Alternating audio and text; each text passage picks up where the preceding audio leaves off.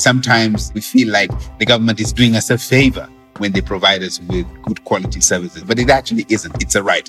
Citizens are entitled to getting good quality government services. Coming back to the person who is so afraid, so worried, or so brave to blow a whistle, it's very important that he has or she has different options where to go. It's impossible to talk about open justice without talking about open state. It's really crucial for us to work together in order for us to catch up. This is the Voices of Open Government, a brand new podcast from the Open Government Partnership. In this podcast, we bring you conversations on how we can do government differently. From anti corruption advocates, social justice champions, and public servants, we talk to the leaders who break the mold and together explore ways to make government more transparent, inclusive, participatory, and accountable. Currently, we are mobilizing the entire government structure and carrying out extensive training and capacity building on the business of care. You see what government project it is, how much is dedicated, what is the amount, who is the contractor, and you have any question, you get to contact him and ask him. So that gives the power of bringing back citizens into the whole process. Now we have a strong community where parliaments and people, individuals interested in achieving any reform, can have a lot of resources. Follow and subscribe to the Voices of Open Government on Apple Podcasts, Spotify, or wherever you listen. Our first episode is available now.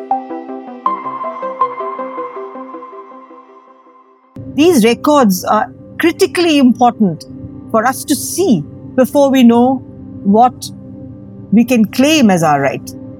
So we struggled and we had huge street protests. Huge street protests. Went on for years. We slept on the streets and we went from city to city. We covered parts of India. We went everywhere. And it was a huge political education of people to understand how important transparency was for accessing many rights innumerable rights. And that's how the campaign succeeded.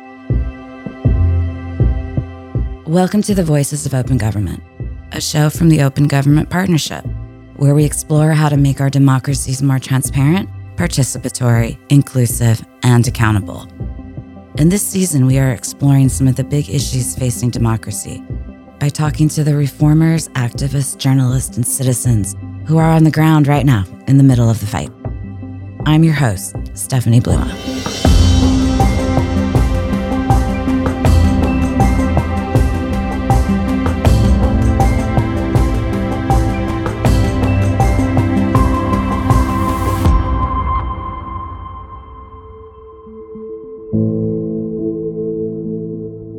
The right to access information is a critical component of open government and democracy.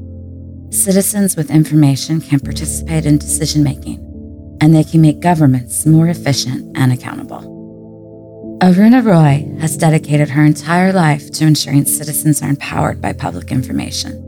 She is the founder of an organization called MKSS, which mobilizes collective action in order to secure the rights of the rural poor. In today's episode, Aruna tells us how her work contributed to the passage of the Rights to Information Act and why the fight isn't over. I was born just a year before India became independent, and I grew up in the uh, city of New Delhi, which is the national capital. We are a very big country. We have 22 major languages. We have 33 states. We are a federation of 33 states. But being in New Delhi, I had an idea of India, interacted with so many people, met wonderful people who were the initial political leaders of this country, got to know about the philosophy of Gandhi, of Nehru, of the gentleman who fashioned the Indian constitution, Dr. Ambedkar. So lived with history in one sense. In 1947, the British left India after three centuries of colonial rule. The subcontinent was split into two independent states Hindu majority India and Muslim majority Pakistan. It left a residue of great angst and sorrow and agony And along with the memories of the Holocaust in Germany, I grew up with a fear of communal violence between communities, killing anybody who was born in a community or of a color or of a race that was different or practiced a religion that was different. So I really grew up in an atmosphere of democratic pluralism, understanding that democracy is for everybody, also understanding that India had great poverty and that poverty had to be addressed somehow. And my parents were very progressive people. My mother was a student of mathematics and physics. My father was a lawyer by profession. And they had families which had fought for the national independence and had opinions about everything. So I grew up with books and with thoughts and ideas. And I had a very rich childhood. And I was made to think for myself, which was an excellent thing. And to, whenever I was disturbed about something, I, I was asked why I didn't address the disturbance. Why was I sitting quietly? Aruna grew up with a strong sense of duty to people in her country. The kind of individualism that has become so prevalent today was not part was not part of my upbringing. You had to live for yourself, but also you had to live for a community and for the welfare of people. You couldn't ignore that. And in a country like India, where privilege was so questioned because so many were underprivileged or unprivileged, it was not only a matter of answering other people's questions, but answering your own questions as to why people didn't have the same access to schools, to dispensaries, to hospitals, to literacy, to have the independence to think. Why was there a caste system which differentiated with people because of birth? Why were there religious wars? Why were there religious violence? Why? So there were so many questions in my head. And of course, as I was a girl, that fortunately I grew up in a family which had no gender difference between boys and girls. So I grew up fairly equal. But I also realized that I'd have to fight more than my share in getting equal rights in society. That whether it was school or whether it was the bus where I went and I was pushed around or whether I didn't get a seat to sit, you know, all those things which happen when you're a woman or a girl. Aruna decided to become a civil servant to address social issues such as gender discrimination if you were bothered by all the things that I was when I was young and you had to address some of them, then you needed the space to legally or structurally deal with those issues. And for me, the government was one place which offered a structural alternative so that I could go into government and address these issues. And I felt that the civil service would offer a legalistic mode of struggling with these issues and offer also give me security there is a problem with people not looking at you in quite the same way as you were probably used to being seen and addressed in, in a city, for instance. During the seven years Aruna was a civil servant, she questioned whether her government role was truly the place to create change. I realized that apart from the couple of years that you're in the rural areas, the rest of the time you're really promoting the status quo and I felt that I did not want to promote the status quo. I wanted to shake up the status quo a bit and to ask questions. And one of the important things that was, that choked me was the fact that you could not express yourself with freedom and you could not talk about issues that were genuinely wrong with the system, except to your small coterie of officials. And very often you were not allowed to talk about it because it would disrupt the delicate balance of the group that ruled. So the ruling elite did not want questions asked. And I felt that unless these questions were asked at a variety of levels, it just wouldn't work. And then I realized that the bureaucracy is never there to really bring about change. It is the bureaucracy is there to maintain the status quo. So if I really wanted to bring change to be, then I would have to leave it. Aruna went on to volunteer at the Social Work and Research Center, also known as the Barefoot College Tilonia. This organization is influenced by Gandhian philosophy of self reliability. Among other programs, they teach women skills such as installing, building, and repairing solar lamps and water pumps. And that was my real schooling. I was de-schooled over there. And I began to understand the relationships between caste, between class, between hierarchies, between women and men, between ritualistic religion and rights between the constitution on the one hand and tradition and prejudice on the other and the innumerable overlaps in working out rights in a rural area. And how do you deal with it? How do you win the confidence of people? I had to understand how to address people i had to understand how to win their confidence i had to understand how to work in a collective i had to understand how to interpret gestures and take them on in a political journey for rights. But how do you do it? And you have to start from where people are. You can't start from where you are. It brings in a lot of humility. So it taught me how to listen. And with this, when in that organization, when I said I wanted to struggle for democratic rights and not really be in an organization that runs projects, I left to go to the MKSS, Mazdoor Kisan Shakti Sangathan, where we based ourselves bang in the middle of the village. I left a campus life to go into the state bang in the middle of the village and to be cheek to jowl with people who were workers, laborers and learn from them not only the lifestyle of coping with poverty, but understanding what they saw as a release from poverty. And it's through this exercise that I understood that information was indeed power and that one did not get access to information, you did not get access to basic rights like housing, like food, like wages, like health, like education. So many things hinged on whether you got that basic right to see those documents, to know what your rights are, to get the system to respond to you. We asked the government as to why they were not paying wages, proper wages to workers. And they said that you haven't worked, but we said we have worked. They said, but our records don't say so. Then we said, we want to see your records. And they said, we can't show you the records, they're secret documents. And in India, there was a British law that stayed on in independent India. It's still, it's still there. Though the transparency law overruled it, we still have something called the Official Secrets Act, which can be used against bureaucrats who, who share information and it's invoked for the most stupid things. And you are not even allowed to see a printed list which is published, and they invoke this Official Secrets Act. Aruna gathered with more than a thousand people to demand government transparency and more access to public information. So we came bang up against this, and that's when the right to information idea of right to information was born because we have a constitution in my country which uh, gives us the right to freedom of expression and freedom of thought and action. But it doesn't give us the right to know. So we felt that it should actually derive from that article, Article 19 of the Indian Constitution. And it should be a right to access information so that we could deal with our poverty, our right to schooling, and so on and so forth. That's how it began.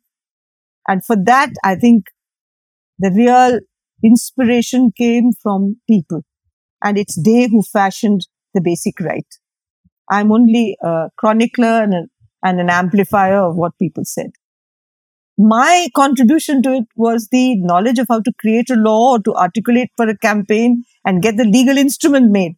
But that there was need for information came from a poor Dalit, Dalit outcasts in India, poor Dalit farmer, uh, but who was illiterate but a poet who used to re- compose beautiful songs.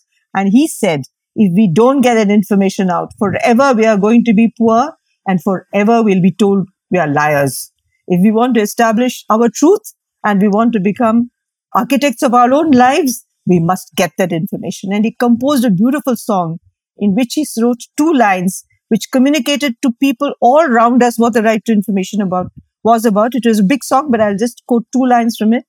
He said, and I'm translating from uh, the Rajasthani, that's the language he wrote in. He said, the dacoits of old used to kill us with a gun.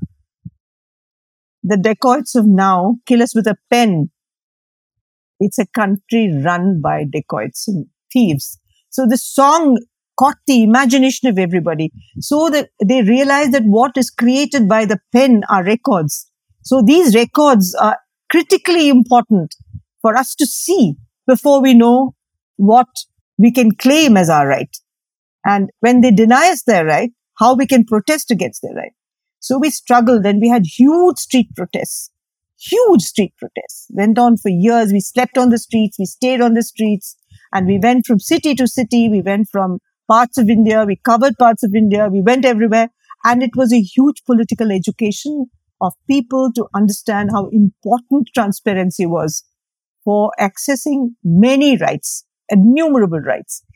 Ultimately, the campaign knit together sectors which were so disparate, but who all felt the right to information was important. And that's how the campaign succeeded. It began with a poor people's campaign, but it went to universities, to law courts, to the legal profession, to doctors, to women, so many women's rights activists, to Dalit rights activists. So it became a massive campaign and it was a democratic campaign. It was an all India campaign in the end.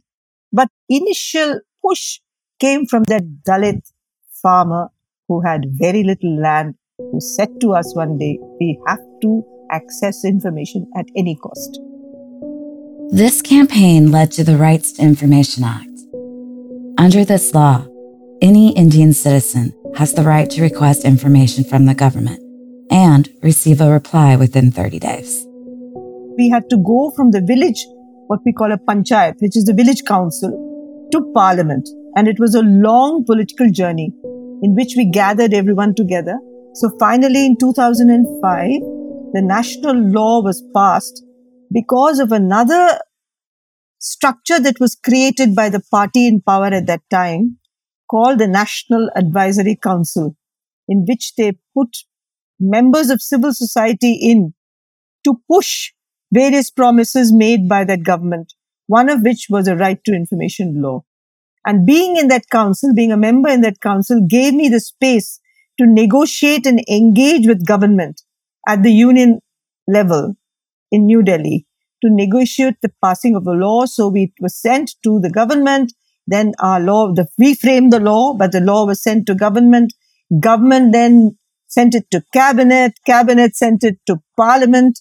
Parliament, there was a standing committee. We went to the standing committee. We testified in front of the standing committee. And finally, after 154 amendments to the law in the standing committee, we got a very good right to information law. 154 amendments. Wow. yeah. so that was less than 20 years ago. When you think about the state of the world today, where we see the space for civil society and for citizens to take this kind of action is declining almost everywhere. Do you think a campaign like that you had put together and run, do you think it would still be possible today? At a national level, no. But in a regional level and state level, yes. Because what we have been able to do, despite all the restrictions on civil society by the union government, which has really clamped down on us in many ways, we have independent states. And the state government in our government in Rajasthan is an opposition government. So we've been able to push some extraordinary things through here.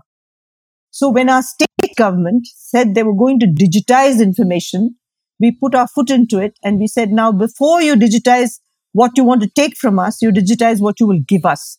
So you make section four of the right to information law, put it on the net. We want every single piece of information on the internet. We want a website. And it's one of the extraordinary things that has happened in the last four years that we have this website called the Jan Soochna portal. So you just cannot give up. I know public spaces are shrinking, but you just have to look for spaces where you can do something and just go ahead. With Government of India, we have a campaign now. It's an all India campaign called the Jan Sarokar, which is people's concerns. And we have an alternative parliament which frames a people's budget when the union budget did not attend to our needs or did not prioritize our needs. So we keep doing it. And the only way to save public and civil space is to be innovative and keep doing something. And unfortunately, Jan Sarokar was all virtual because we had two years of COVID, which I think really destroyed public space even more because we could not break the health law. We could have broken the law, the, the uh, police restrictions, but we could not break the restrictions on health for health considerations on health. So we, we've been doing something or the other all the time. And I think We are restricted. It's true. There are some issues about which we can't speak. That's true. Uh, right to freedom of expression is severely curtailed in my country. It's true. Many people are in jail because they have expressed or amplified voices of the poor. That is true.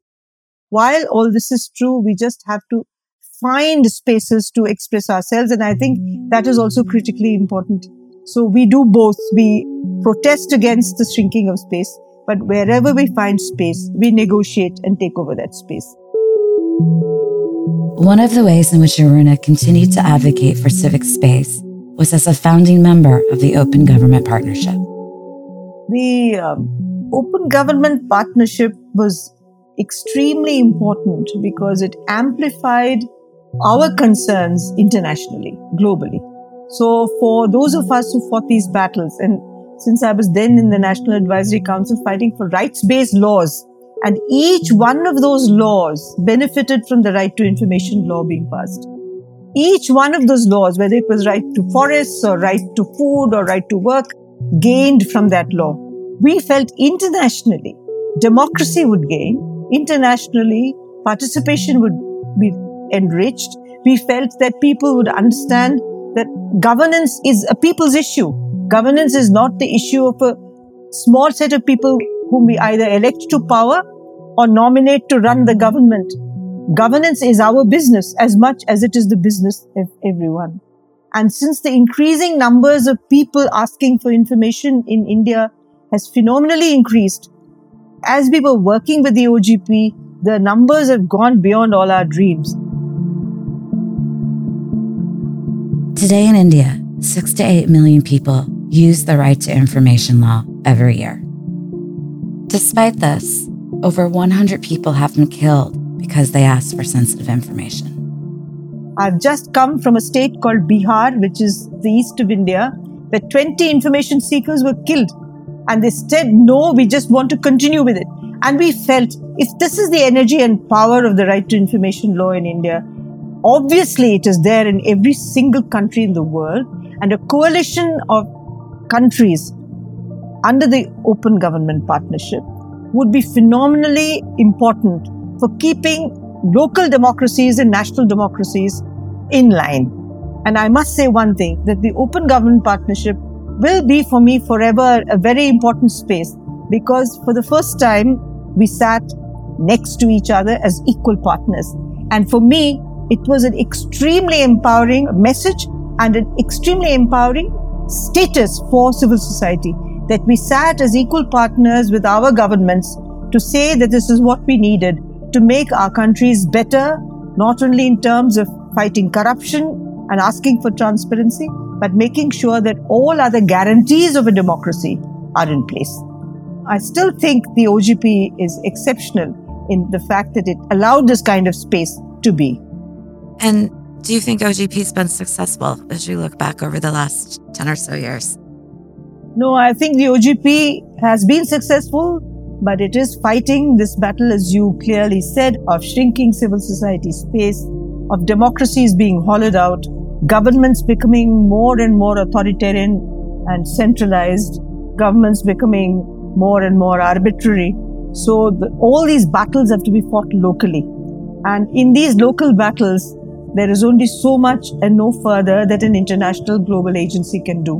But I think as far as it can go, OGP has been strengthening people. And I think the culture of protest that has come from many countries today, I think owes much to the OGP dialogue. The OGP dialogue actually brought the discussion of power to the table. What is information? Information is power. And if we don't understand that asking for sharing information is asking for sharing power, then we don't understand the information battle at all. I think that's what is been a singular contribution of the OGP to the international discourse. And you contributed to that as well. I wasn't there, but I've heard the story that you um, challenged then U.S. Secretary of State John Kerry at an OGP conference talking about being on the stage and being there as equals. Can you talk about what you said to the secretary at the time? You know, the thing is that it was an extremely good meeting, by the way, in London. We were more than 2,000 people there at the time. But the elephant in the room was the fact that many of the phones had been tapped. Just before we entered that room, senior heads of state had state had their telephones tapped, and we had the ex Prime Minister of New Zealand as a participant in that room, and we all had uh, discussions, and we heard many protests against it. So then I said to him that you know it's been wonderful being in the OGP, and the fact that we have developed trust and we are working on trust.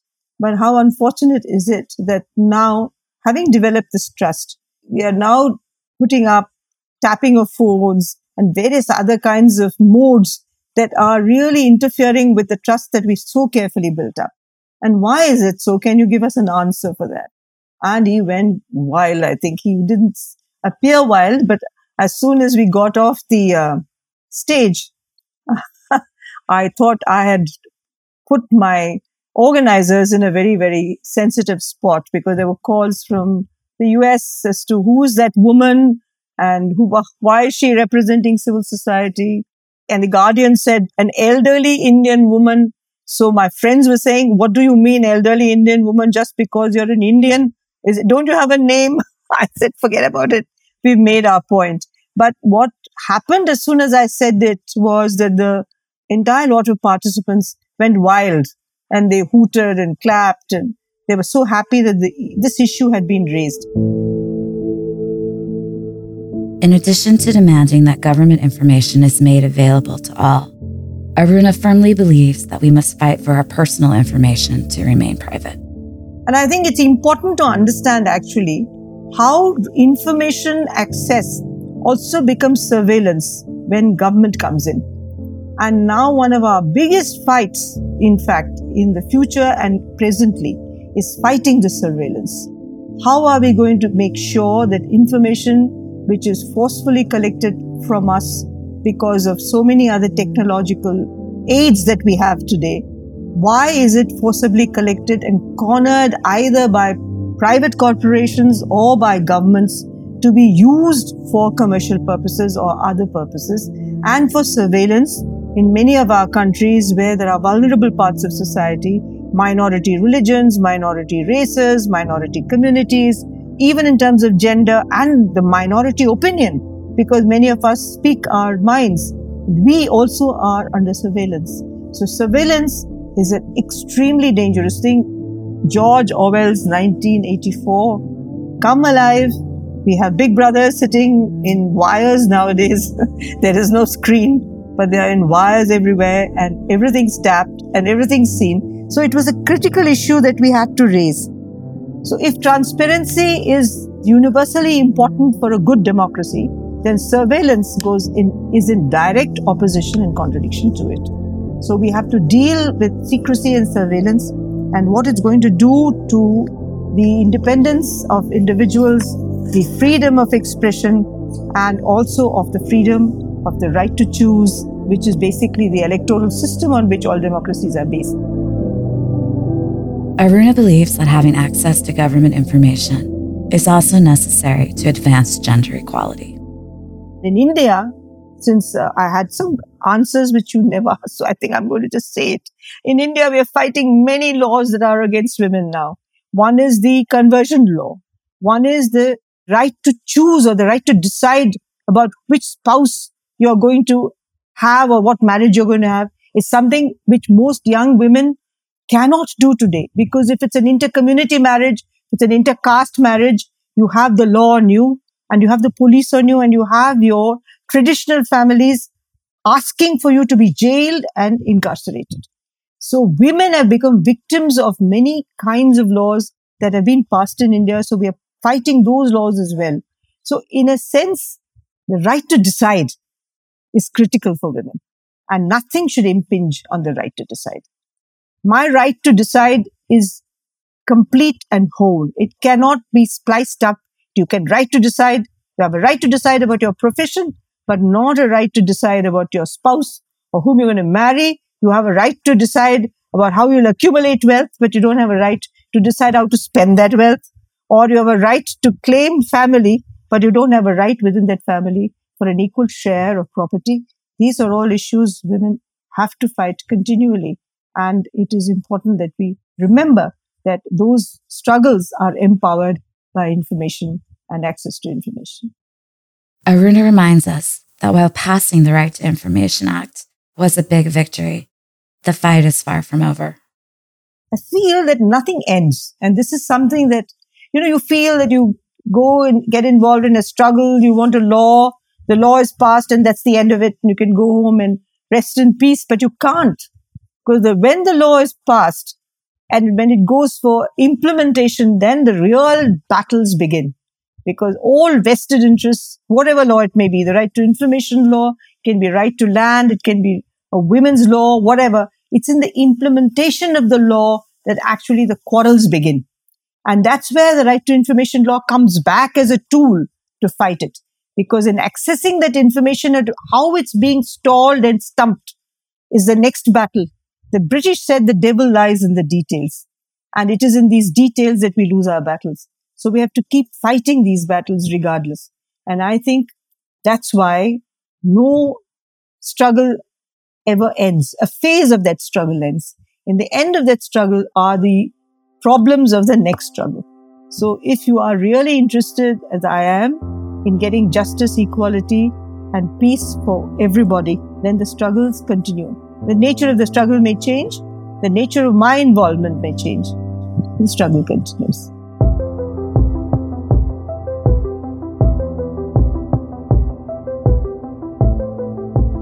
Ensuring the right to information is at the heart of a strong democracy. Just like Aruna, we must relentlessly demand more transparency from our government. Access to information equals access to justice.